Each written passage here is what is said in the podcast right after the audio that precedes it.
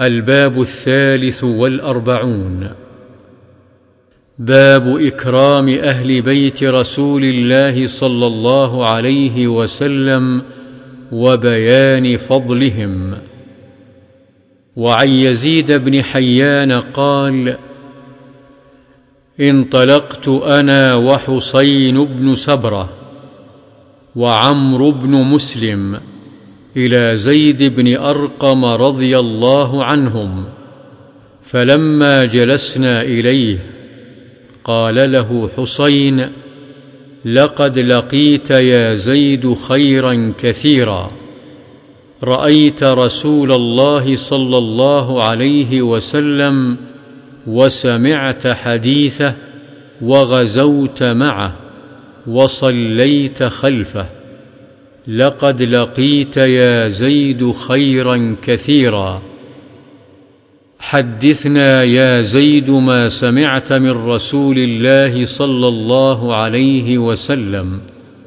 قال يا ابن أخي والله لقد كبرت سني وقدم عهدي.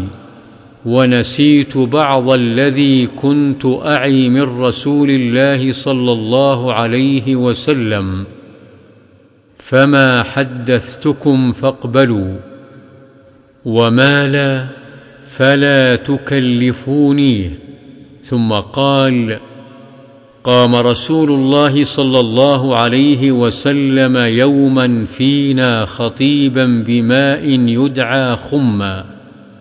بين مكة والمدينة فحمد الله وأثنى عليه ووعظ وذكر ثم قال أما بعد ألا أيها الناس فإنما أنا بشر يوشك أن يأتي رسول ربي فأجيب وأنا تارك فيكم ثقلين.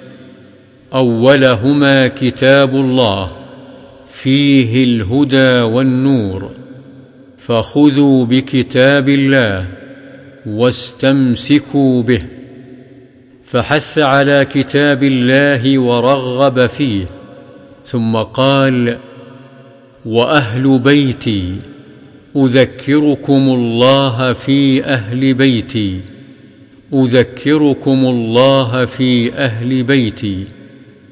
فقال له حسين ومن أهل بيته يا زيد؟ قال أليس نساؤه من أهل بيته؟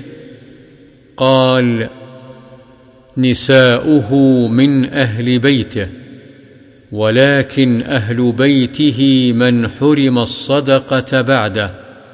قال ومن هم؟ قال هم آل علي وآل عقيل وآل جعفر وآل عباس. قال كل هؤلاء حرم الصدقة؟ قال نعم رواه مسلم.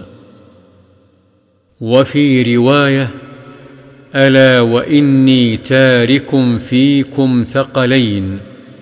أحدهما كتاب الله وهو حبل الله من اتبعه كان على الهدى ومن تركه كان على ضلاله.